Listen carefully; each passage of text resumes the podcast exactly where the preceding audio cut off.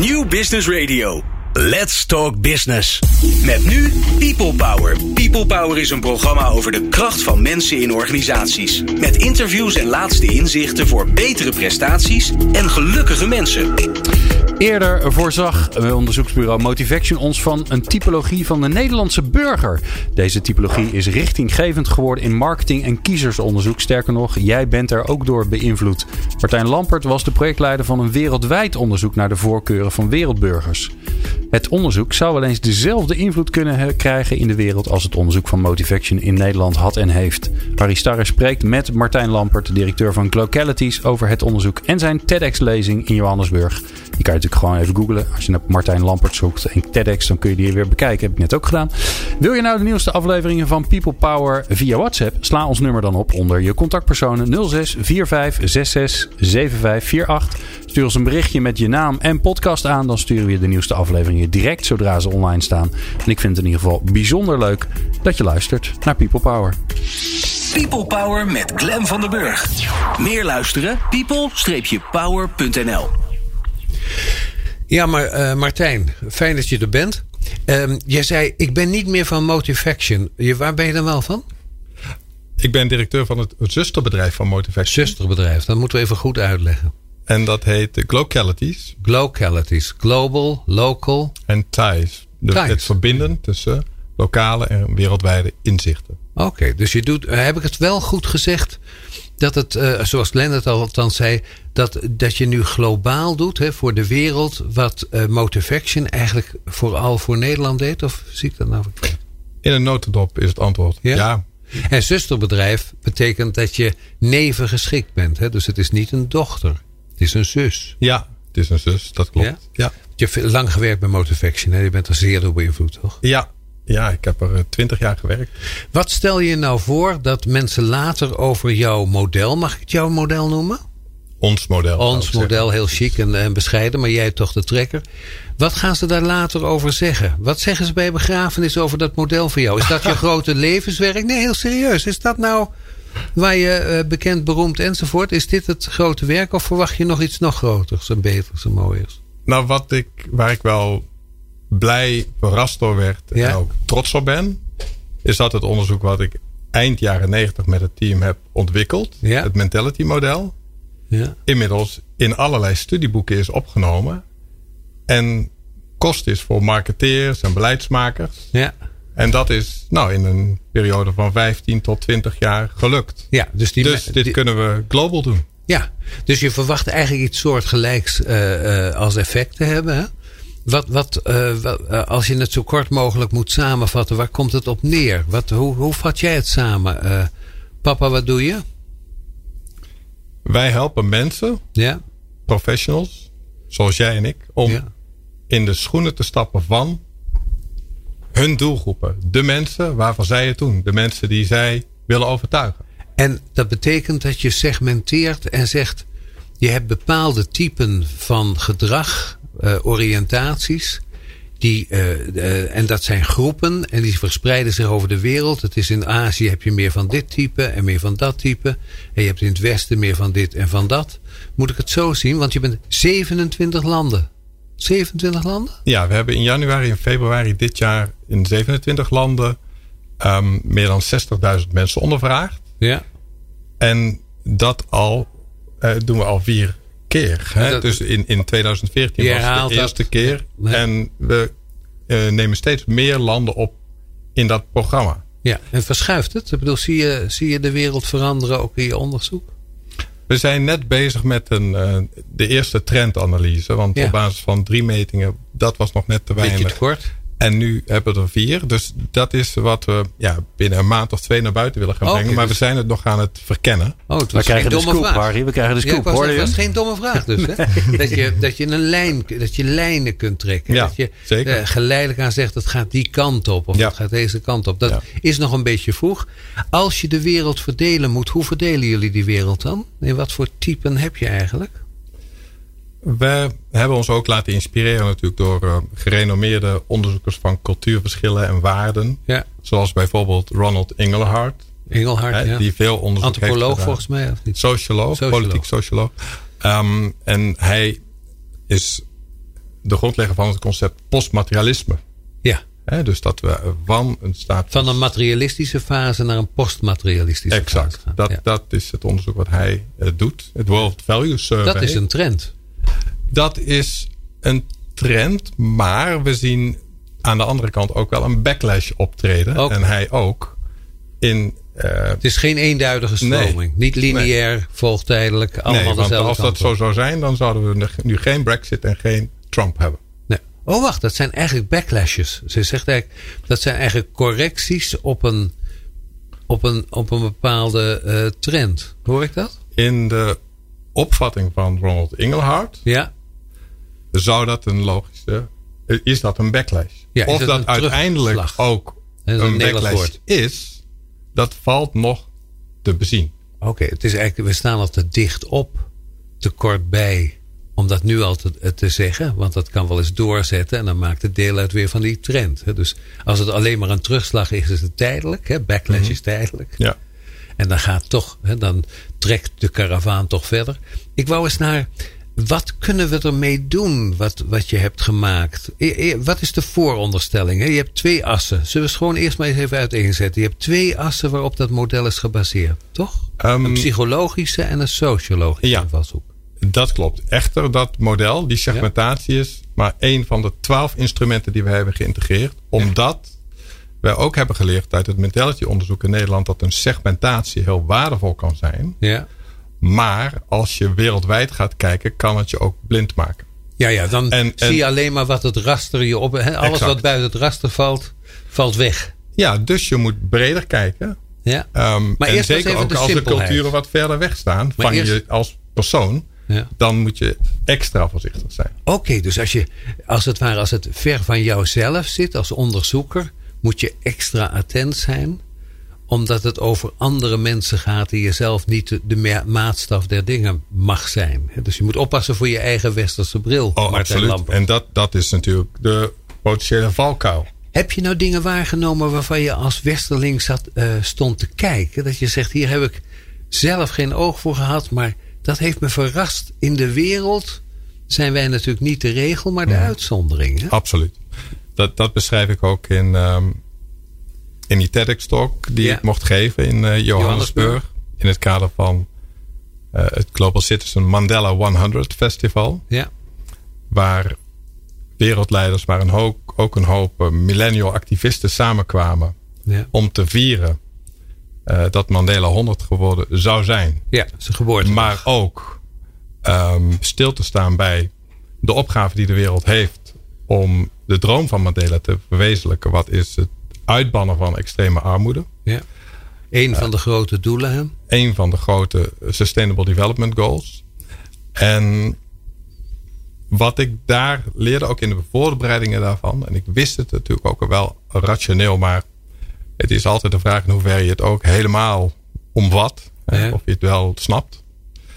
Ehm, is dat vaak in het Westen wordt gedacht dat hoe millennials en jongeren hier zijn, dat dat overal in de wereld zo is. Ja, wij zijn de maat der dingen. Hè? Wij denken dat het allemaal onze kant op gaat ook. Exact. Hè? Dat Ja. heel de wereld wordt zoals wij. Als ze het nog niet zijn, dan liggen ze achter. Ja, nou en dan is het toch vrij ontnuchterend als je weet dat slechts 12% van de millennials wereldwijd, dus geboren sinds 1980, Ja. westers is. Dus eh, eigenlijk zeg je, buiten-Europese millennials zijn in de meerderheid. Je zou kunnen zeggen, dus dat zou kunnen betekenen dat de Europese dominantie over is. Dat is al lang het geval. Al lang het geval. Dus wij leven nog in de illusie dat we de wereld beheersen met ons denken, maar we zijn een sideshow geworden. Dramatisch gezegd.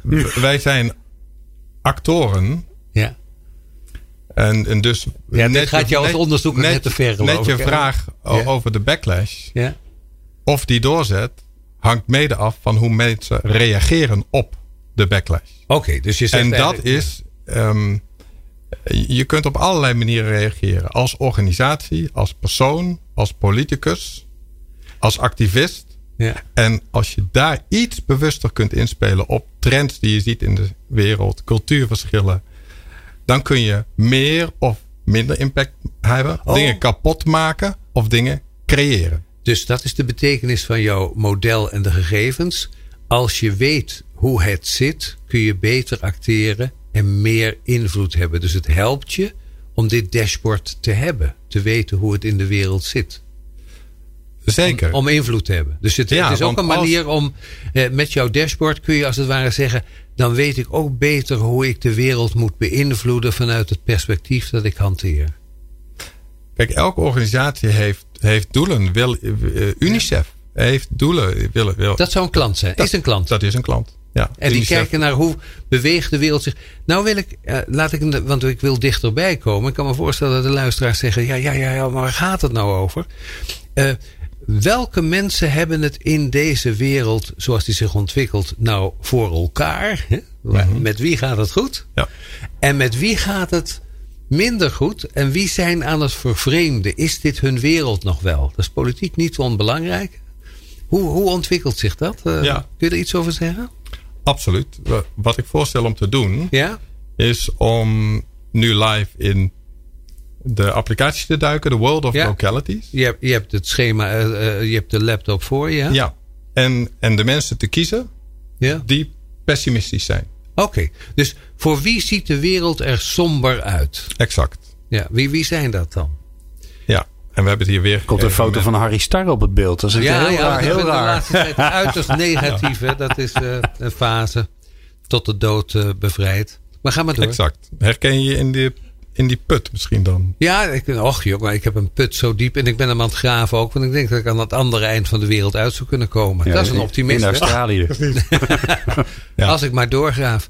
Maar wat voor dus mensen hebben het op dit moment sociologisch, psychologisch? Want het is psychologisch en sociologisch nou lastig. Ja. Wie vinden het uh, geen leuke wereld? Inderdaad, ja.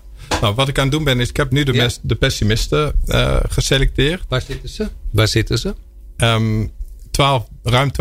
En die vergelijk ik met 50.000 mensen die niet op die trend scoren. Ja. En nu is een substantieel deel, hè? Ja. Een kwart. Een kwart. Exact. Een kwart ziet het somber in. Valt nog mee. Hè? Dan betekent niet dat de anderen optimist zijn. Maar dit zijn de mensen die het somber inzien. Ja, maar... Ik zie het programma nu. Kun jij beschrijven wat we zien? Want dit is, uh, this is radio, man.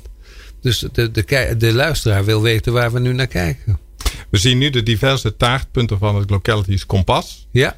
Um, hè, die draaien. Hoeveel punten heb je eigenlijk? Zo, jij weet het uit je hoofd. Dat zijn meer dan duizend punten die we kunnen kiezen. Oké, okay, en die ja. loopt hij als het ware langs. En nou brengt hij de mensen in beeld met een pessimistisch wereldbeeld. Wie zijn het?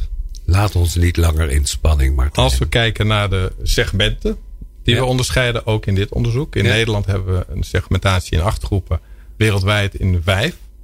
Dan zijn twee groepen onder de pessimisten ondervertegenwoordigd. En dat zijn de creatives. Okay. En de achievers. Dus de achievers en de creatives, die hebben de tijd van hun leven. Hè? Ben je creatief, dan zit het relatief mee. En ben je een achiever, dan is dit ook jouw tijdsgevrij. Exact. Ja. En, maar dat zijn mensen die in control zijn. Ja, die hebben het um, goed. Echter, de groep pessimisten ja. is oververtegenwoordigd onder enerzijds het segment challengers. Ja. Mensen die gaan voor risico's, actie, spanning, maar ook zichzelf aan het opwerken zijn in opkomende economieën vaak. Ja. He, dus dat is uh, work hard, play hard. En, die dat is ook, dreigen gefrustreerd te raken? Die, die zijn dat. Dat, zijn dat is overduidelijk uit. Dat zou je niet verwachten. Nee. nee. Ik, had, ik had niet verwacht dat je deze, met deze zou komen. Ik denk, nou, dat zijn, dat zijn mensen en die hebben energie en die, die gaan ervoor. En die zijn somber. Dat is onhandig. Dit zijn, onder deze groep vind je bovengemiddeld veel pessimisten. Ja. Misschien is het in Nederland anders. Ik heb nu de journey niet in Nederland gemaakt, maar global. Ja. Dus we moeten ook uitkijken dat we ons laten leiden door ons, door ons eigen beeld. beeld. Ja. ja. Aan de andere kant zie je ook een, de groep die wij socializers noemen. Die, die, die verlangt naar samen zijn, verbonden zijn. Um, ja, en daar maar, is dit een wereld die aan het fragmenteren is. Hè? Zeker, ja. En dit is Individualiseren, wereld... zorg voor jezelf.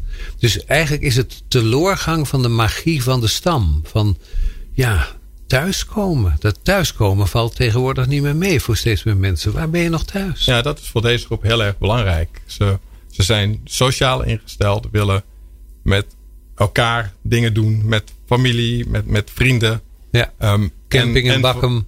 Nou, ver, verlangen naar een ongecompliceerd leven. Ja. En die groep Global, Harry. is Ja, ja, maar druk ik, in. dat moet toch een global bakkum ook zijn. Maar, Maar maar je is ook vert- van vertellen wat- welke mensen daar binnen die groep dan het het zwaarst hebben? Want dat, daar hadden wij het in het voorgesprek over. Dus ik duw je een beetje naar de weduwe en wezen toe nu. Ja, of je dat als antwoord Nou, we geven. kunnen, dit was een van de twaalf taartpunten die Ja. we nu bekeken. Ja. Ehm, en we kunnen ook naar de demografie van Ja. deze groep kijken. Ehm, maar voordat ik aan die vraag beantwoord, Ja. laat ik je zien dat deze groep ook hoog scoort op nostalgia. Ja. En Dus dat vroeger deze was het groep beter. ook vindt dat veranderingen veel te snel gaan. Ja. En ze hebben last van information overload. Oh ja, Dus de, de, volle wereld. Dus de Zeker. ja. ja. Dus, de, dus de wereld is versnipperd. Ja. Ehm, ze scoren laag op aanstekelijk enthousiasme. Ja. Is, het is een groep die van zichzelf ook niet zegt van nou, ik weet anderen te overtuigen. Een dus beetje, dat, ja, je ziet gebeten dat hond, die hè? connectie met de ander is ehm, een issue voor hen. En als we naar hun demografische achtergronden kijken, Ja, komt mijn vraag. dan zie je een aantal vragen, eh, een aantal punten waarop deze groep eh, duidelijk is oververtegenwoordigd. En dat is dat ze vaker single zijn of ongetrouwd, Ja, singles en ongetrouwd. gescheiden zijn Ja, of weduwe, weduwnaar. Ja, Dat ze vaker geen kinderen hebben, ja, eh, werkloos zijn, ja. gehandicapt. Dus dit zijn mensen die zich afgesneden Ja. voelen van de sociale connecties en werkelijkheid die je deelt met anderen. Mensen is een sociaal leven, een sociaal wezen. En het sociale leven bestaat voor deze mensen weinig tot niet. Eigenlijk, en dan gaat het om een kwart van de bevolking. Ja? Ja, maar daarbij zeg Globaal. ik ook als onderzoeker, wij hanteren schalen. Ja. En op die schalen kun je mensen indelen. En ik kijk nu naar het kwart wat het hoogst scoort. ja. Dus je kunt Oké, dat dus je, je, je het, kunt het, het, het, het, is, het, het smeert zich wat langer het smeert uit. zich langer uit. Ja. Maar je, de, de kern ervan, dat gaat in de richting van een kwart. ja. Ja. Niet, hè, dat is, dus een alge, dat we, dit is een wereld die voor iedereen beter aan het worden is, is het beslist niet. In de beeldvorming van de betrokkenen. Nee, bij, bij deze groep zie je ook dat het archetype Ja. van de rebel Ja. domineert. Dus Oké, ze zijn rebel. Ze, ze pikken. de- Er zit iets in van niet meer willen pikken. Rebel. ja, Hè, tegen. Anti. ja, en dat is het effect. Ja. Dat is het effect wat deze situatie op hen heeft. Omdat ze zoveel woede, en wrok en angst hebben die ongekanaliseerd blijft. Ja, want dus, ze hebben geen verbinding met groepen. Dat is teloor gegaan. Dus het wordt een ongerichte eh, onvrede. Ongerichte Ja. onvrede. Tegelijkertijd wil ik ook erbij zeggen dat dit een groep is die heel gevoelig is voor de jester en de joker. Dus fun Oh, wacht. is ook een uitlaatklep.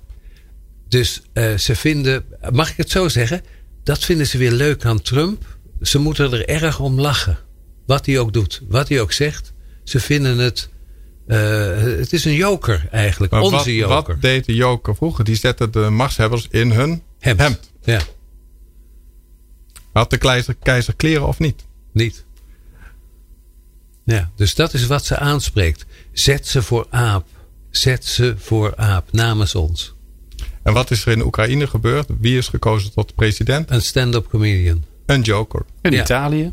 In Italië, hè, drie ster, of vijf sterren, hè, vijf sterren. Exact. Ja. Dus dit, en je ziet ook de tegenpol. Ja. En dus die archetypen vind ik een machtig interessante analyselijn. Ja, Omdat je kijkt naar verhaallijnen vanuit de mythologie die aansluiten bij specifieke groepen. En we groeien allemaal op met sprookjes en verhalen. Maar dit zijn manieren van betekenis geven. Ja. Waardoor je deze groep opeens op een hele andere manier ligt kennen. Oké, dus je kunt als joker het maken bij deze mensen omdat ze grommend pessimistisch zijn. Zeggen ze maak er een grap van en ik sta aan je kant. Zoiets? Ik, ik, ik ben wel toe aan muziek, eh, Glenn. Wanneer komt dat nou?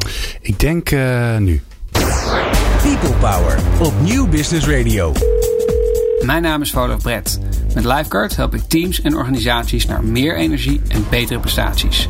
Voor nieuwe ideeën luister ik standaard naar People Power. Meepraten of meer programma's? people-power.nl We hadden het net over de mensen die niet aangesloten zijn, die onvrede hebben, die graag de joker inzetten. Daar hadden we het net over. Maar um, uh, ik, ik zou eens naar degene die de wereld gaan veranderen. Van wie hebben we wat te verwachten? Van welke mensen hebben we wat te verwachten in de komende periode? En waar zitten ze? Waar wonen ze? Wie zijn het? De tijd gaat nu in. nou, de groep met het grootste potentieel voor ja?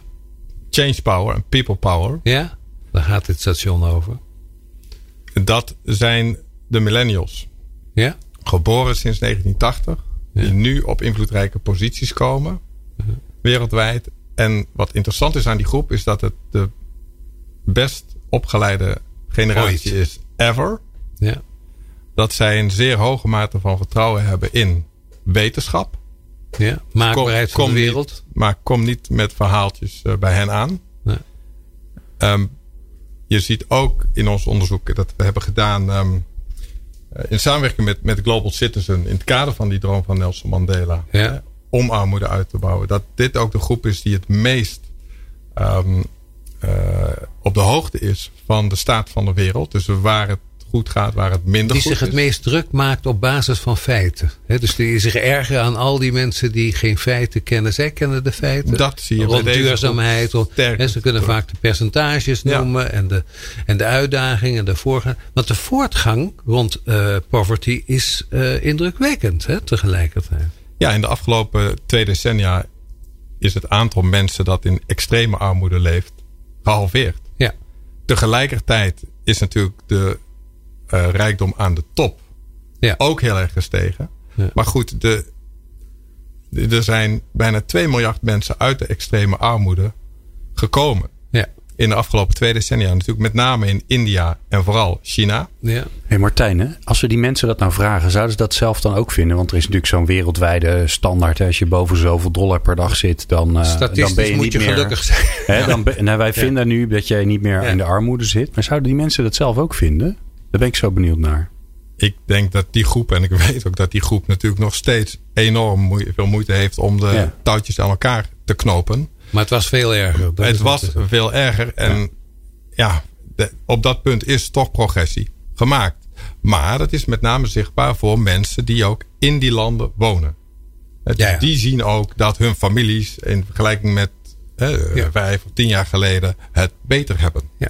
Hier in het Westen. Zoals wij ooit de auto kregen. Hè? Wij kregen ooit de auto. De, heel veel mensen hadden geen auto, openbaar vervoer, de fiets enzovoort, maar geen auto. Die kregen de auto. Dat soort dingen. Eigen huis krijgen, dat Absoluut. soort ontwikkelingen. Ja. Voor het eerst een auto. Ja. Dat zijn de ontwikkelingen die uit de armoede. Ja, en hier in het Westen zien we juist tegenovergestelde tendensen. Dat Ja. Minder mensen überhaupt op de hoogte zijn van deze ontwikkelingen. En dat er in sterke mate ook onvrede is. Ehm, hè, dus, dus dat niet de jonge generatie het nog beter gaat krijgen. Ja. Dus de- je ziet een, eh, een, een hele andere dynamiek optreden in die opkomende economie. Wij zijn ontevreden over een relatief hoog welvaartsniveau. Dat relatief overigens daalt ten opzichte van de vorige generatie. Dus onze onvrede is relatief. Ja, Altijd hè, Ja. trouwens. Ja zo, zo zitten mensen in elkaar. Ja, we vergelijken, vergelijken we in de tijd en met elkaar. Ja. Maar is dan, is dan op de plekken waar, de, waar die extreme armoede eh, echt flink minder wordt, wordt dat dan als positief gezien? En zie je dat dan ook terug in, ja, in die delen van de wereld, dat daar wat meer positiviteit is? Ja, er, er is heel duidelijk veel meer optimisme ehm, in die onderdelen van de wereld dan hier. Ja. Ook over de toekomst. Dus in India zien ze de wereld toch heel wat mooier dan wij hem aanzien. Gemiddeld genomen wel. Ja. Ja. Natuurlijk zijn de extremen ook veel groter dan in Nederland. De opkomende economieën hebben er zin in. Zo moet je moet je dat eigenlijk zeggen. Ja. ja. En, en, en wij zijn pessimistisch, terwijl we relatief nog steeds veel beter voorstaan, maar verhoudingsgewijs een daling voelen. Dus Dat, dat is wat, wat, wat duidelijk wordt uit die cijfers. Maar we hadden het net over de mensen die, die- die- de change power hadden. En ja. Eh, Van wie gaan we het, eh, ja. mogen we het gaan verwachten? Ah. Millennials, zei je? ja, die op de hoogte zijn van Ja. de trends in de wereld. Die vaak ook bereid zijn om actie te ondernemen. Dus hè, online eh, actie te ondernemen. petities te steunen. Te doneren op andere manieren. betrokken te zijn, die politici ook willen aanspreken. Activistisch georiënteerd. Ja, dat, dat, dat zie je duidelijk terug.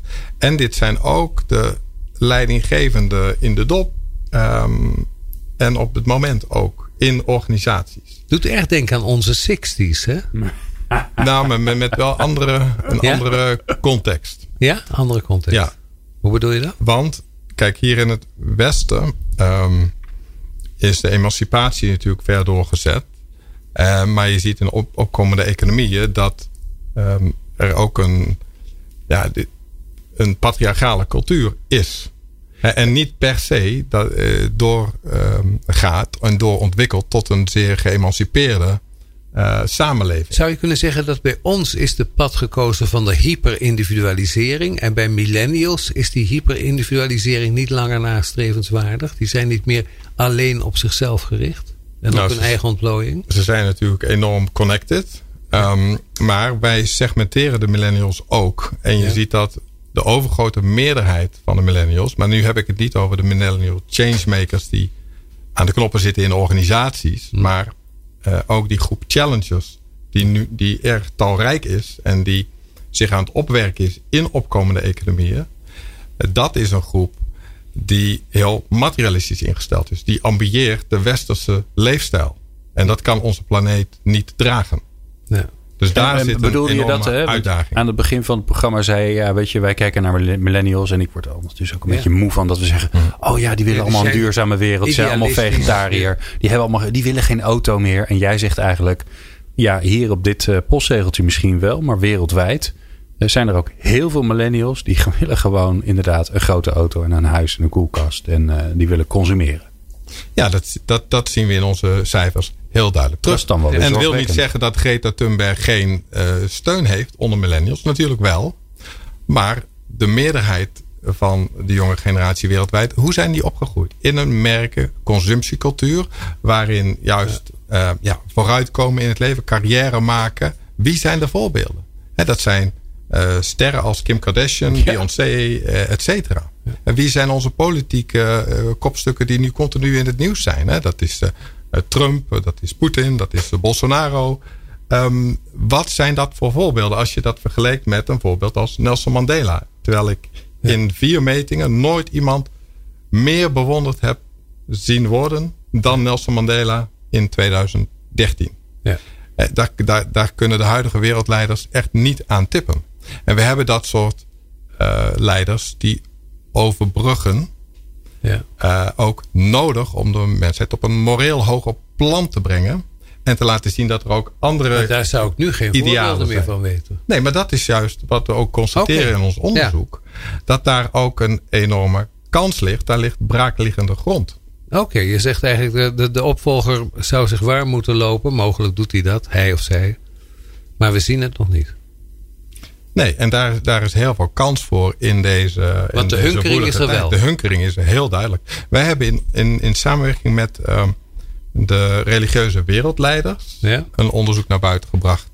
Um, twee jaar geleden, in 2017. Um, ehm, in het kader van een gezamenlijke oproep van de wereldleiders voor vriendschap tussen religies. Ja.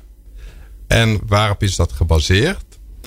We hebben gekeken nu niet in dat onderzoek naar wat verdeelt ons. Nee, maar, maar juist wat zijn de hoogste waarden die de mensheid binden. En dan zie je dat waarden die je nu bij millennials ook terug ziet komen. Hè, zoals statusgerichtheid of uh, wealth en uh, power. Um, die scoren veel lager dan waarden zoals curiosity. Dus nieuwsgierigheid. En de mens is een. We zijn een homo sapiens. Bij religieuze. Nee, ook bij niet-religieuze. Dus nieuwsgierigheid en elkaar helpen, compassie. Dat zijn leidende waarden voor de mensheid die hoog scoren waarop wij united zijn. Ook bij moslims, zeg ik Ook bij moslims. Dat, dat hebben we allemaal bekeken. Dus bij al die wereldreligies is de de, de, het verlangen naar verbinding maken met andere religies groot. Onder... Vanuit de religieuzen. Dus ik heb het niet over. Want als je zegt de wereldreligies, dan kun je ook verwijzen naar religieuze teksten. Ik onderzoek mensen. Ja, dus de mensen en als die ik kijk naar mensen die. Gelovigen. Ja, en wat. En ook zelfs niet-gelovigen, die hebben door deze waarden, nieuwsgierigheid en compassie, we worden we geleid. Dat hebben nou, we dat is toch, het lijkt me een interessant potentieel om op te bouwen. En Mandela als wereld. Ja, dus je zegt er is eigenlijk een, een, een grond, hè, het is eh, een, een geploegde akker. Mhm. Want men is receptief voor dit soort denkbeelden, omdat het verlangen naar verbinding met elkaar, nieuwsgierigheid, compassie, onder uh, de bevolking groot is. Dus als je dat kunt verwoorden, krijg je stemmen en krijg je steun. Ja, maar dan heb je leiders nodig met een redelijk hoog menselijk ontwikkelingsniveau. Ja, hoge emotionele intelligentie. Hè? Obama Sociale was, Obama was emotionele intelligentie zeker. Ja. ja. ja. Dus uh, de, een gat in de markt. Hè? Absoluut. Harry, ja. er gebeurt wel wat hè? Ja. Nou, het viel mij op en ik ben natuurlijk, uh, ben, is het er iets minder in dan dat jij erin zit. Maar als, als Martijn hierover gaat praten, over die, ja. ja die dingen die ons binden, dan, dan, dan zit er een, een kwadraat van dezelfde man. Ja, ja, dat is zo. Dat, uh, waarom is dat, Martijn? Ja, dat is een... Want je kunt, je kunt, ik zie dat je, jij vindt onderzoek mooi. En, uh, en dan als je erin duikt, en je kunt natuurlijk op allerlei manieren naar die data kijken. Dat is natuurlijk prachtig. Dat is je vak. Maar als je gaat praten over dat overstijgende van wat, wat hebben we samen, wat kunnen ermee, dan, dan schieten de vlammen uit je ogen. Ja, Waar nou, komt dat ik, vandaan? Ik heb natuurlijk twintig jaar onderzoek gedaan en daarin ook best wel wat geleerd over de mensheid en ook kansen die we missen. Ja.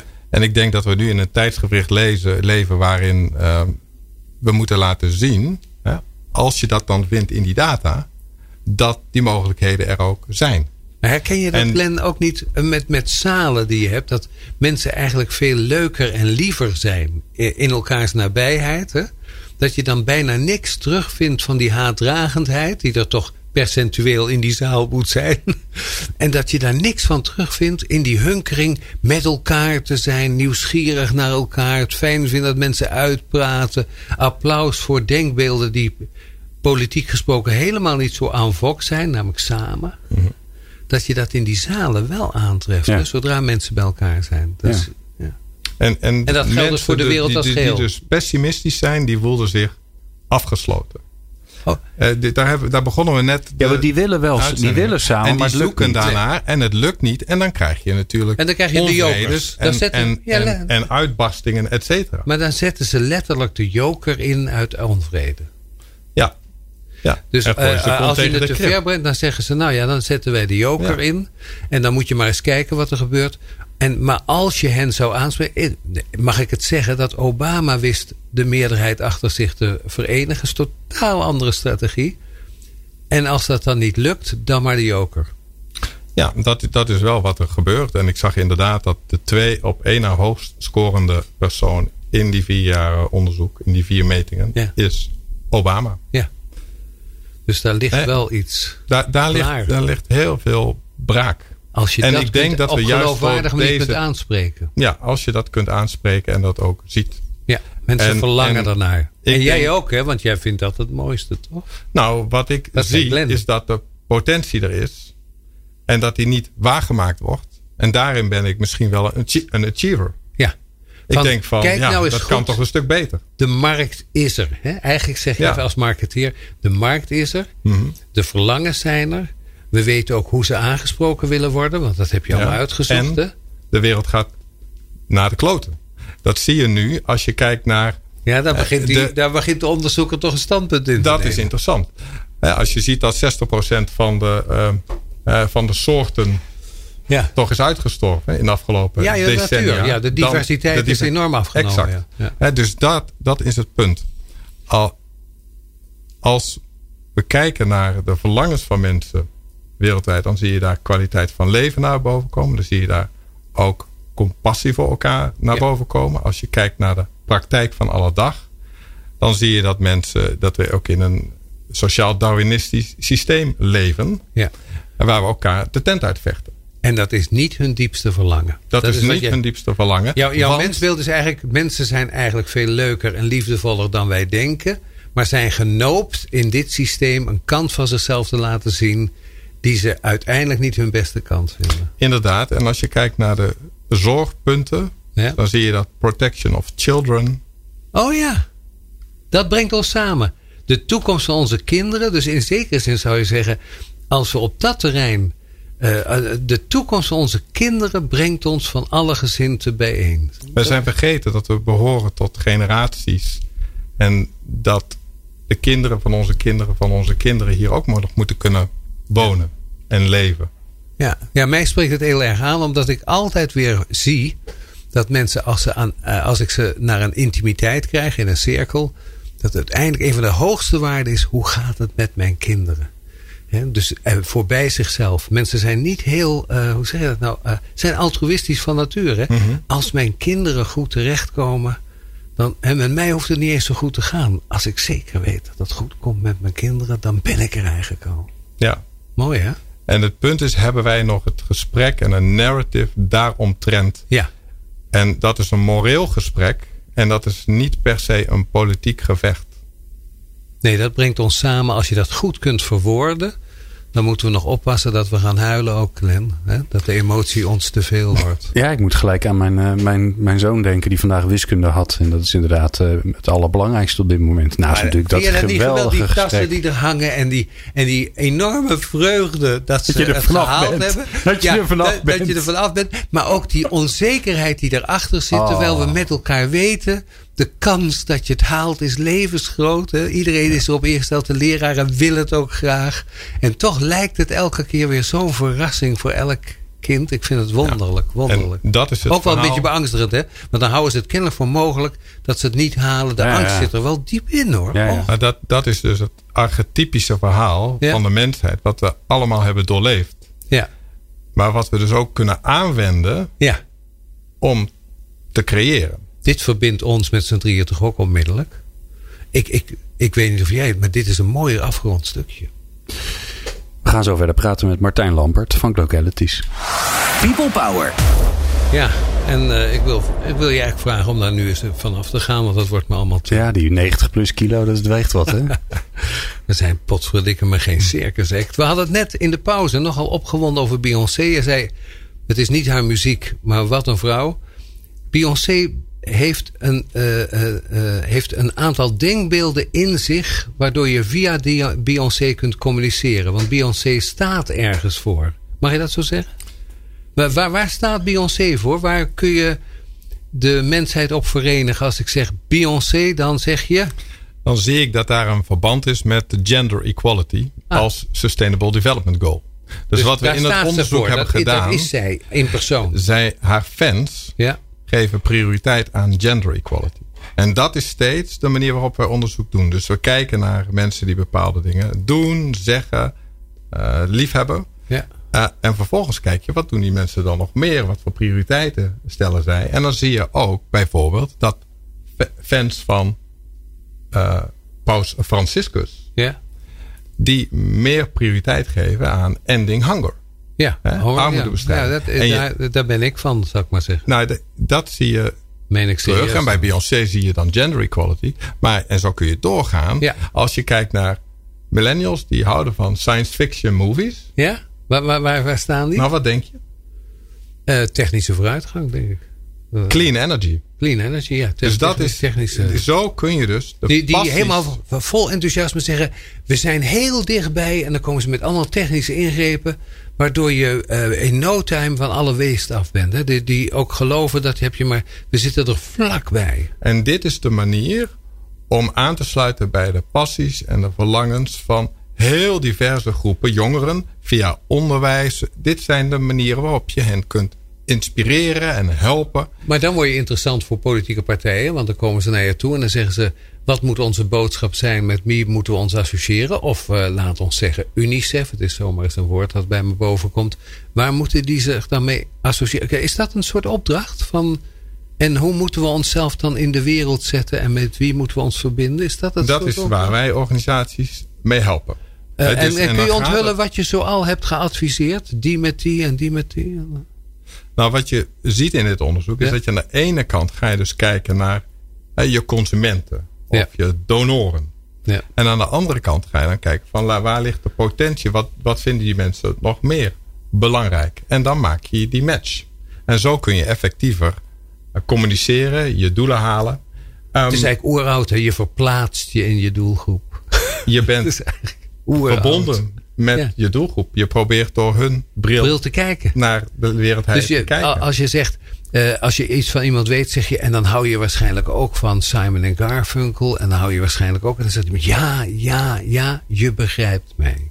Nee, ik vraag het ze. Ja, ik vraag het ze. Maar als je, jij vraagt het ze. Maar als je die antwoorden hebt, dan kun je het voorspellen. Dan kun je het verbinden. En, en dan zie je de verbanden. En dan zie je. Dan kijk je veel holistischer naar de mens. En kun je wat types beschrijven? Dat je zegt van, uh, die hebben dat doel, die gaan met teammuziek. Heb je, heb je een patroon? Kun je dat uh, ons in meenemen? Beyoncé weten we nu een beetje iets van. Die positioneer je naar gender equality. Mm -hmm. uh, kun je meer voorbeelden geven?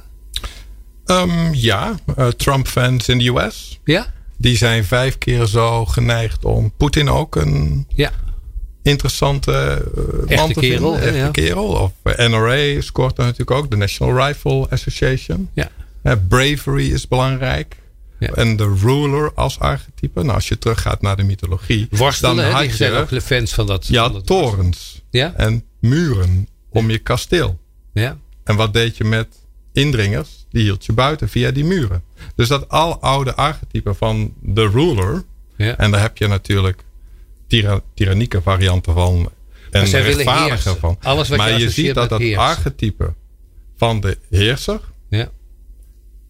Aansluit bij de verlangens van Trump-fans. En dat heb je ook in muziek. Want je hebt ook soorten muziek waarin dat wordt geglorifieerd. Hè? Waarin, Absoluut. Hè, de being the boss. Hè? De, Ja. Heel veel rap hoor je ook boss, boss, boss. Ja, maar tegelijkertijd zie je onder, go- onder Trump-fans ook een ander muziektype. Ja? En dat is gospel music. Ah, dus daar, da- je, je leert heel veel door naar deze data te kijken. En waarom Waar- is er nu, in... Dat is de christelijke achterban van de Republicans. Ja, ja. Dus de reden waarom er nu protesten zijn hè, met eh, de trade agreements met, tussen VS en China... ja. Voor een deel gaat het ook over de kosten van Bijbels. Die in China goedkoop worden gedrukt. Ja. En straks duurder worden. En de evangelische christenen die komen nu in opstand tegen Trump. En zeggen van je moet een andere deal sluiten met China op dit punt. Dus zo zie je hoe dat met elkaar is verbonden. Ja, ja. ja en je, je moet eigenlijk dus de toestroom van goedkope bijbels komt in gevaar. En daarmee het christendom. het en dat is een effect. De, de missiedrang komt in het gevaar. Ja, maar je van ziet dat zijn met- achterban. Maar je ziet met meer dingen dat Trump, Trump ineens. eh, Trump, Trump, ik maak er een eh, Maarten Trump van. Hè. Maar Trump dat hij eh, terugtrekt met die onderhandelingen. Omdat hij dan terugkrijgt wat het effect is. En dan een staakt het vuren voorstelt. Ja. Omdat de auto-industrie klaagt. eh, eigenlijk delen van zijn achterban beginnen zich te. te eh, hoe noem je dat nou? Eh, roeren, hè, heet dat. Ja. Dus, en dan zie en je dat, is misschien nog wel effectiever dan de oppositie van de Democrats. Veel effectiever. Je, Precies. je achterban die je in je nek hijgt, die is altijd effectiever dan de tegenstander die je kent, toch? Hey Martijn, eh, laten we even een, eh, een, eh, een hypothetisch geval doen. Ik ben een, eh, ik ben een organisatie en ik wil ehm, eh, biodiversiteit. Dat is echt zo'n onderwerp. Nou, met de bijen is het aardig gelukt, maar verder is het best een lastig onderwerp omdat niemand het echt snapt. Maar daar wil ik mee aan de slag. Op wie moet ik mij richten? Wie gaat mij helpen? Welke, welke groep, welke typologie mensen? Nou, wat je nu in ieder geval ziet, dat ehm, met die berichtgeving over het uitsterven van soorten, nou, daar hebben we het toch over bi- biodiversiteit. Ehm, ja, dat, dat begint nu wel door te dringen bij mensen. Ja. En aan de ene kant is dat al bekend bij de groep die we, al, die we creatives noemen. Ja. Die zijn meer Die geïnformeerd. Maar er is een enorme kans bij de conservatives. Die gaan over ehm, het hoeden van de schepping. Ja, behouden. En dat is een interessante coalitie tussen twee groepen. Rentmeesterschap. Rentmeesterschap, Ja. exact. Dat- maar dan ga je anders over dat thema Ja. communiceren. Ja. En veel meer langs de lijnen van het archetype die innocent. ja, Het paradijs. het schepping, de schepping bewaren die ons is aangereikt. Dus dat is een heel ander patroon. Hè. Je Ja. moet eerbied hebben voor de schepping die ons is gegeven. Ja. Daar moeten we liefdevol en eerbiedig mee omgaan. En biodiversiteitsmensen komen met cijfers, met effecten. Die Ja, gaan maar bijna daar gaat het dus niet om. Nee, en, en, en dan haken een heleboel van die believers af. Want die zeggen dan, ja, dat weet ik allemaal niet zo nou, hoe dat nou precies werkt. Hè, dat de bijen zo belangrijk Ja. zouden zijn. En dit kun je dus ook doorvertalen naar die verschillende segmenten. En we hadden het net over het segment socialize. Dus je moet een gemengde boodschap en die, die groep socializers, die is vaker dan gemiddeld ook bezorgd over natuur en dieren. Ja. En de dierenbescherming of Wereld Natuurfonds is daar vaak ook best populair. En dat is een romantisch beeld. En dat is een ander beeld. Kijk naar de panda. Ja, romantisch beeld. Dus op die manier zet je dit onderzoek in. Ja, je dus kunt je zegt, alleen groeien. Je moet de romantici hebben. Je moet de conservatives hebben die Gods schepping willen bewaren. En je moet de creatives hebben die de redenering uh, mooi vinden. Namelijk diversiteit is ons levensbehoud. Dat kun je uitrekenen. En die hebben daar geen romantisch beeld mee, maar een zuiver zakelijk. Als we niet oppassen, gaan we naar de kloot. Ja, en je moet dit weten van je huidige donateurs. Ja. En je moet dit weten van de markt waarin je denkt te kunnen groeien. Oké. dus En vervolgens kun je daar je strategieën op afstemmen. Internationaal of in Nederland. Nou doet het me wel heel erg denken aan al die politieke onderzoeken... waardoor je uh, sprekers krijgt die zo'n beetje alle gezichten tonen...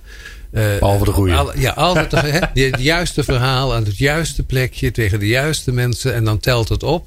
Totdat iemand zegt: Wat voor het dikke me, hij vertelt alle verhalen, maar net waar het moet. Krijgen we, en dat is typisch iets wat je de marketeers verwijt. maar dat is de opgave van elke organisatie zelf. Om het oprecht te om, doen. Om, om die keuzes te maken. Het enige wat ik aanreik, wat wij aanreiken, is wat de mogelijkheden zijn. En vervolgens ga je natuurlijk in het gesprek van ja, maar dit is, staat zo ver van mij af, dat ga ik niet doen. En dat is ieders eigen keuze. Dat is de vraag naar de oprechtheid van je handelen. Dat je niet gaat draaien naar de wind die waait. Je, hoe heet dat ook? Je huik naar de wind draaien. Uh, Harry, we hebben met uh, Martijn Lampert gesproken. En dat zouden we nog heel lang kunnen doen, want er zit nogal wat in dat onderzoek. Uh, wat, hebben we, wat heb je gehoord? Want jij kan het zo heerlijk samenvatten. Nou ja, dat, um, tenminste, ik hoor erin dat je veel oriëntaties op het leven hebt. Die hebben implicaties voor hoe je stemt, hoe je consumeert. Dat is natuurlijk een oude wet uit de marketing van segmentatie. Dat kun je globaal doen. Uh, dat zijn echte mensen in de typologie. En je kunt misschien beter de weg vinden van, laat ons zeggen, de muziek. Dat vond ik wel een aardige. Dan de stratificatie in kille getallen.